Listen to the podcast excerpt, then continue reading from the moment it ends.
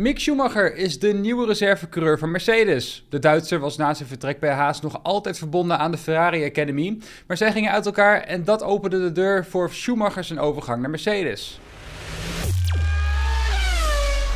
Toto Wolff en Mercedes hebben in het verleden al meermaals geflirt met de Duitse jongeling. En een rol als reservecoureur leek dan ook een realistische optie voor de voormalige Haas-coureur. Het geflirt over en weer heeft nu zijn vruchten afgeworpen, want Mercedes kondigt Schumacher officieel aan als nieuwste lid van de renstal. Mick gaat veel aan het werk in Brackley en zal tijdens alle races komend seizoen aanwezig zijn. Ik zie dit als een nieuwe start. Ik heb er veel zin in en ben dankbaar voor de kans die Toto en iedereen binnen het team mij geeft.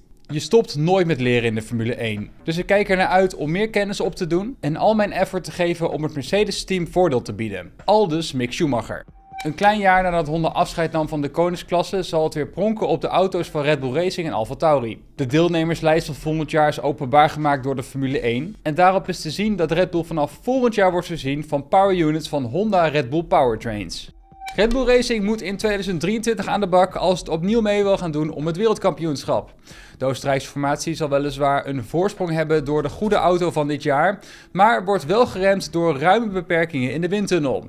Adrian Newey verwacht dat het pijn gaat doen. Het is moeilijk om in te schatten hoeveel tienden van een seconde per ronde dat ons gaat kosten. Door de straf kunnen we minder componenten en ideeën testen. In het meest ideale scenario ontwikkel je in één keer de juiste component. Dan is de beperking in windtunneltijd niet heel erg, zo citeert motorsport.com. Toch is het natuurlijk allemaal niet zo zwart-wit als Newey schetst en is de kans aanzienlijk dat het allemaal niet in één keer goed gaat. In werkelijkheid loopt het vaak echter anders, waardoor we bepaalde onderdelen meerdere keren moeten herzien en opnieuw testen. Komend jaar wordt de rand van de vloer nog eens 50 mm verhoogd, wat een significante impact heeft op de aerodynamica. Ik denk dat de windtunnelbeperking zeker invloed gaat hebben op het team. Aldus Adrian Newey. Ja, het is nog even weg, maar de opener van het seizoen van 2024 lijkt in ieder geval bekend.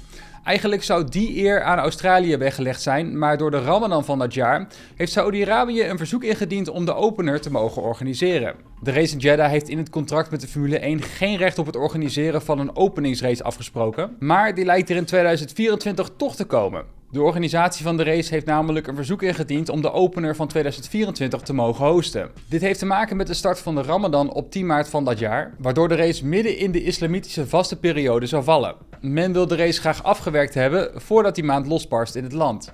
Het betekent dus dat de race enkel alleen als opener kan fungeren in dat jaar, waardoor we ook kunnen concluderen dat we in dit jaar vrij vroeg van start gaan met het nieuwe seizoen. In principe zou de Grand Prix van Australië in 2024 fungeren als de opener van het seizoen, maar dat recht lijken ze nu te verliezen. Als goedmakertje richting de Australische organisatie zou het contract van de race verlengd zijn met twee jaar. Dit betekent dat de race in Melbourne nu in ieder geval tot met 2037 op de rol staat voor de Formule 1.